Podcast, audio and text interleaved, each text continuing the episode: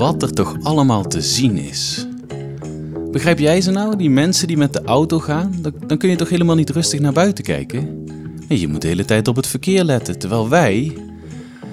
Wij kunnen lekker naar buiten kijken. Ja, als ik iets helemaal fantastisch vind, dan, dan is dat het wel. Lekker in de trein zitten en, en kijken naar eh, ja, de maisvelden, de dorpjes, ganzen, rivieren, eh, mensen die naakt in hun achtertuin staan te barbecuen. Hè, de wereld die daar aan ons voorbij trekt. Fascinerend. Trouwens, eh, welkom bij de eerste aflevering van Luister Uit. De podcast speciaal gemaakt voor jou eh, voor in de trein. Ik ben Thijs en ik ben de komende 20 minuten je persoonlijke reisleider. Ja, en misschien denk jij nu, oh, een reisleider, die heb ik niet nodig. Ik, ik ben maar gewoon onderweg naar huis of naar school of naar, naar, ja, naar mijn minnares in Utrecht of naar eh, eh, een kick, kickboxgala. Dit is maar gewoon een ritje met de trein, denk jij. Nou, zo zie ik het dus niet. Nee, geen reis is hetzelfde. Of zoals een oude filosoof ooit zei: je kunt nooit twee keer in dezelfde rivier stappen. Nou, als je zin hebt om daar nog even over na te denken, kan dat. Zet mij dan maar op pauze. Tijdens onze eerste reis samen wil ik het hebben over naar buiten kijken. Een van de fijnste onderdelen van op reis zijn. Maar soms eh, ja, lijken we dat te vergeten, omdat er natuurlijk op je telefoon ook allerlei moois te zien is. En eh, daarom ben ik op bezoek gegaan bij een aantal mensen. Die eh, mensen die ons misschien wel op een of andere manier opnieuw naar buiten kunnen laten kijken. De eerste is Peter Oosterbaan en hij zorgt er hoogstpersoonlijk voor dat we überhaupt naar buiten kunnen kijken. Ik ben eh, Peter Oosterbaan. Ik ben eh, verantwoordelijk voor het wassen van alle treinen van de spoorwegen en voor het verwijderen van de graffiti. En ik eh, ben de bedenker van de nieuwe hoge snelheidswasstraat en daar ben ik heel erg trots op. Het heeft één heel groot eh, nadelig effect en dat is dat ik thuis ook voor de schoonmaker hang. Dus mijn vrouw weet natuurlijk dat ik eh, met het schoonmaken van treinen bezig ben. Dus thuis moet ik ook eh, vaak aan de bak voor de douche en voor het toilet enzovoort. Dus. maar mijn vrouw doet ook heel veel hoor, maar heel veel andere dingen. Dus dat is het effect op mijn thuissituatie. We gaan kijken hoe een sprinter in de nieuwe high-speed wasmachine op Den Haag Grote Binkhorst gewassen gaat worden. Ehm, wat bijzonder is aan eh, deze wasmachine, we hebben daar inmiddels drie van. Dat eh, je kan daar met een snelheid van tot 20 km per uur doorheen en dan wordt hij toch nog gewassen. Nou, als je bedenkt dat de oude wasmachines dat met anderhalf kilometer per uur doen, dan is dat een eh, behoorlijke verbetering.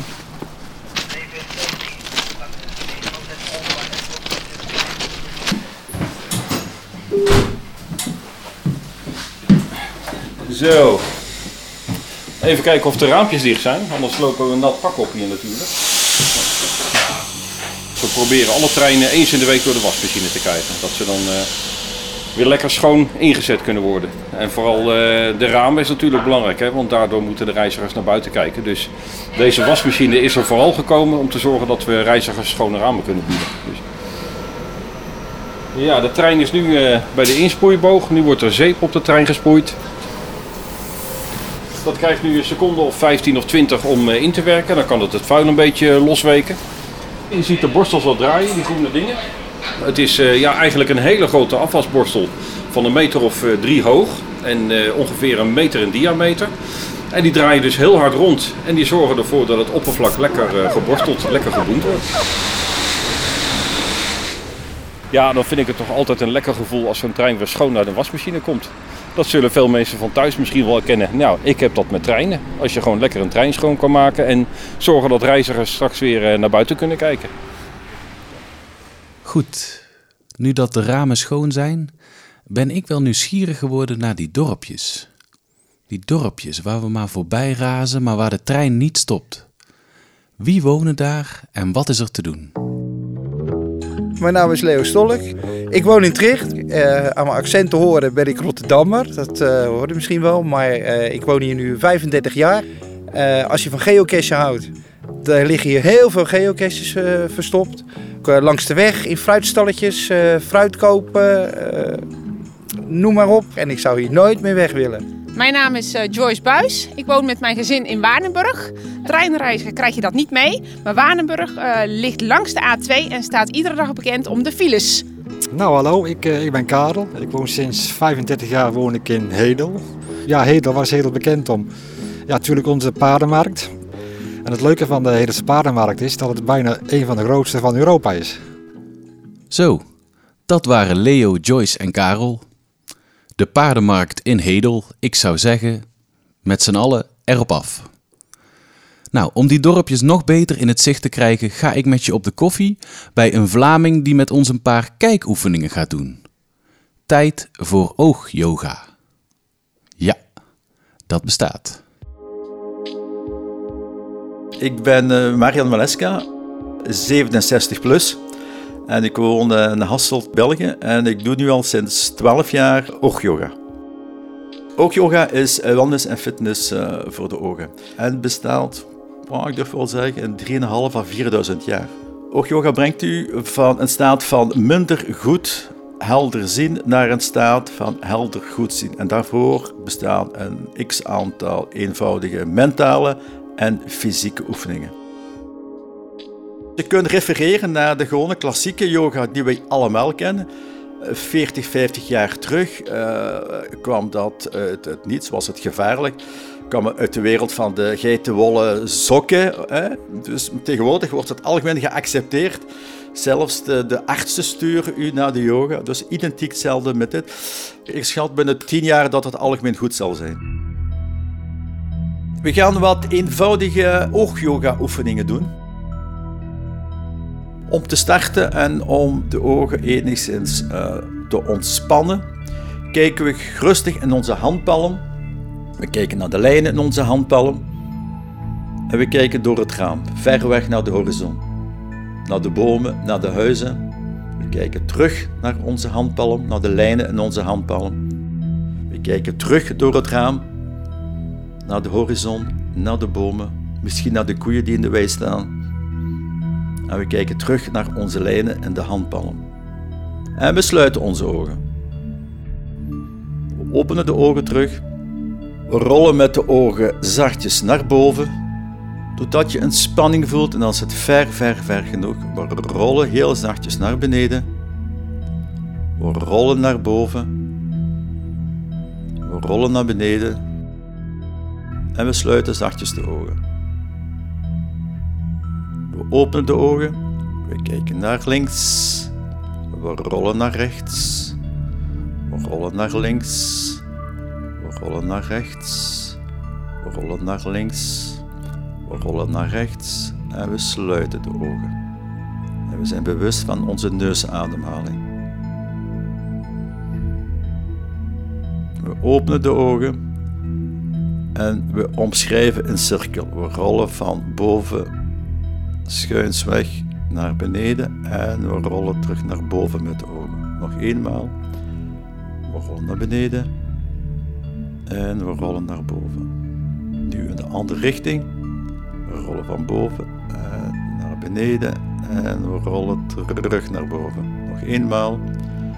We rollen naar beneden. We rollen naar boven. En we sluiten de ogen. Gesloten ogen zijn ontspannen ogen. En we zijn bewust van onze ademhaling.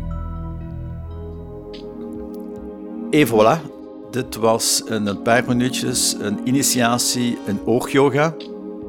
Mocht je spanningen ondervinden rond, onder, langs je ogen, gewoon even de ogen sluiten, rustig ademen en de spanning zal binnen x aantal minuten verdwijnen.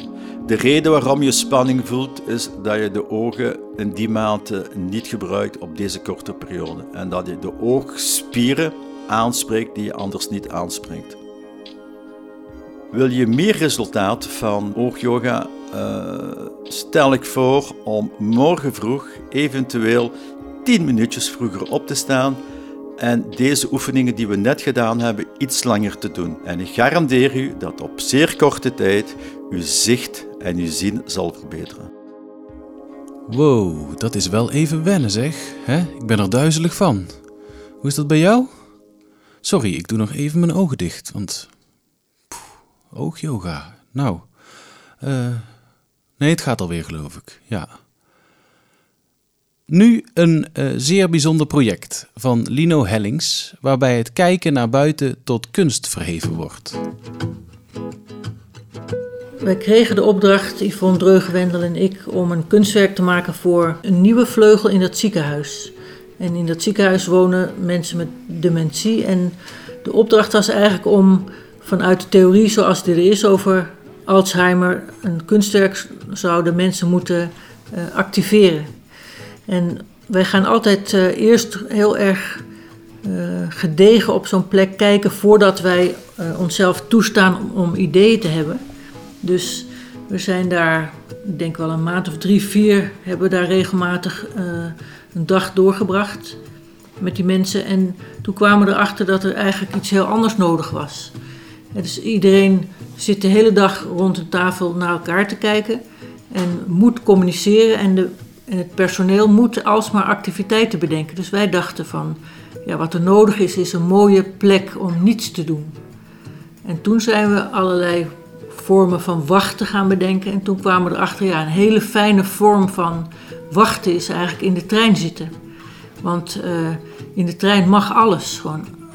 Of je nou uh, slaapt, of je breidt, of je eet, of je drinkt, of je praat, of je luistert naar de, naar de muziek. alles is gewoon goed. En daarmee was het idee geboren. En wij dachten ook, we moeten niks met nostalgie. Dat was eigenlijk ook altijd het idee van je, moet iets met nostalgie uh, doen om het geheugen aan te spreken. Maar wij dachten nee, we moeten een super moderne trein maken die zo prachtig eruit ziet. Echt een soort business class, waardoor alles wat mensen doen er ook heel erg goed uitziet. Dus je krijgt een hele hoge status van uh, als je daar zit te breien, dan zie je eruit als de koningin, zou ik maar zeggen. En een van de dingen was ook dat het een enorm uitgezoek was wat er op die videoschermen, die de ramen zijn, wat daar voor landschap op moest komen. Eigenlijk bleek elke keer weer dat als je stil zit, dus als, je niet als, als de trein niet meebeweegt met die beelden, dat je heel gauw misselijk wordt.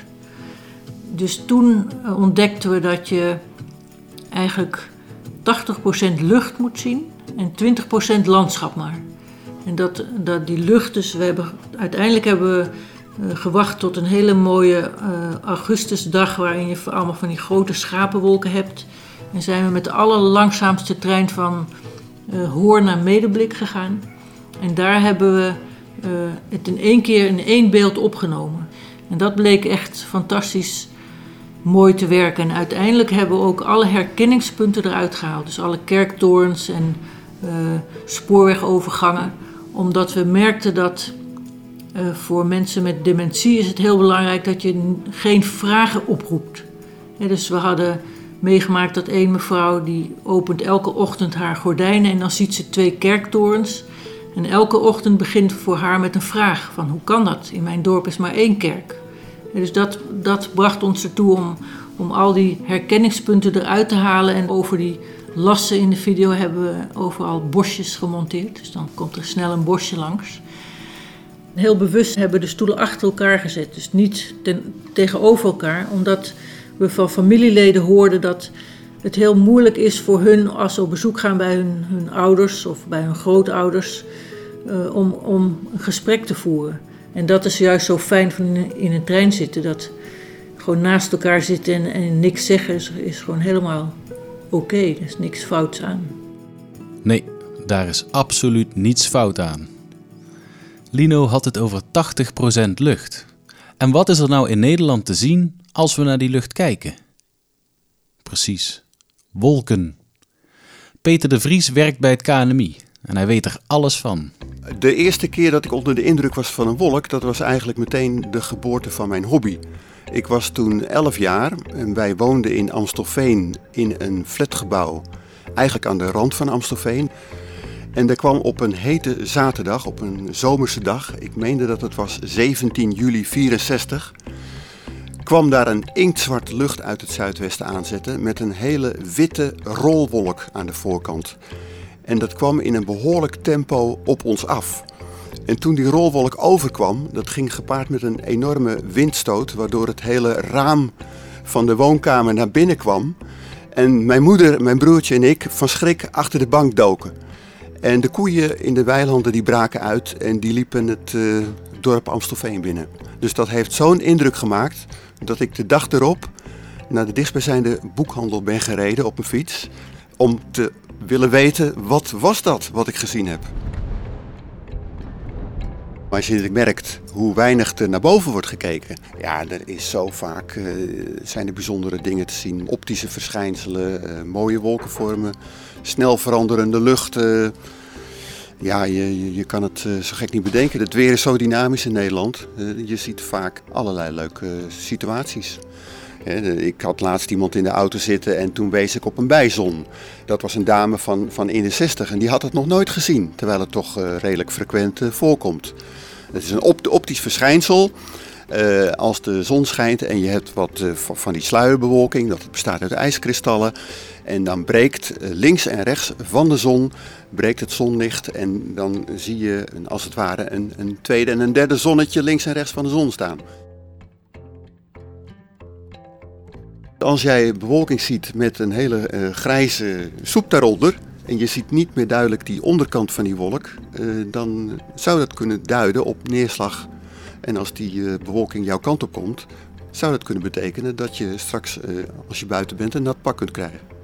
Ja, verder heb je in ehm, een zomer met een beetje wisselvallig weer. Dan heb je vaak de ene dag regen, andere dag weer opklaringen, dan weer regen. En zo'n slecht weergebied zie je als eerste aankomen als je uh, condensatiesporen van vliegtuigen ziet. Want die geven aan dat het al wat vochtiger wordt op die hoogte. En die vliegtuigen die voegen daar nog wat extra vocht aan toe en dan wordt zo'n vliegtuigspoor zichtbaar.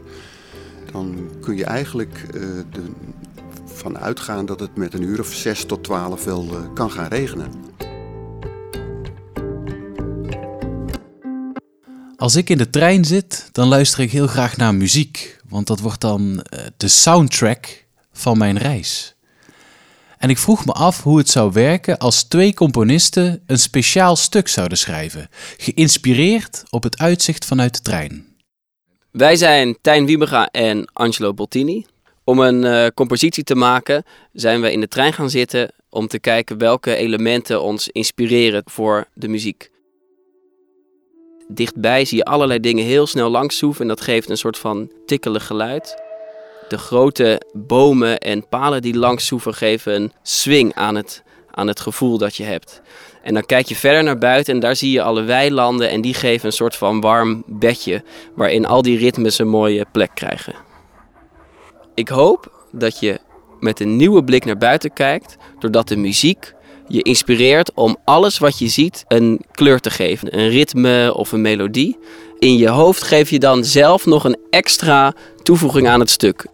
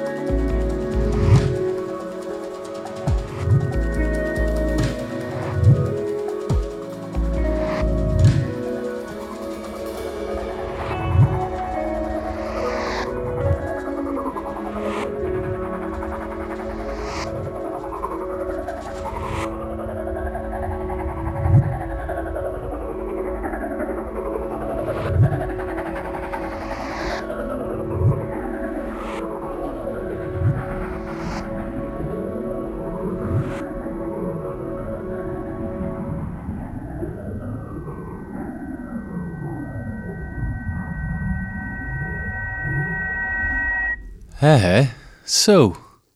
Ik was even helemaal weg. Fantastisch.